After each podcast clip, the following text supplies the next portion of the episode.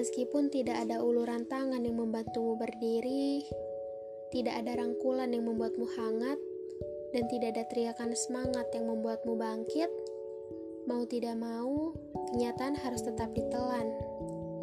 Berpura-pura menjadi sosok yang tabah bukanlah hal yang mudah dan bukan sebuah solusi yang indah. Tapi meminta dan membangun kekuatan yang ada di dalam diri adalah sebaik-baik solusi. Perlahan, kita akan mengerti kenapa Allah menguji kita dengan hal ini.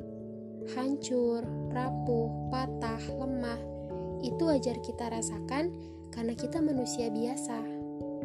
Tapi kita bisa memilih menjadi superhero untuk diri kita sendiri. Dan semua hal buruk yang pernah terjadi, biarkan berlalu. Ambil pelajaran di setiap kejadian agar kita lebih siap untuk menerima dan menyambut apa yang akan terjadi.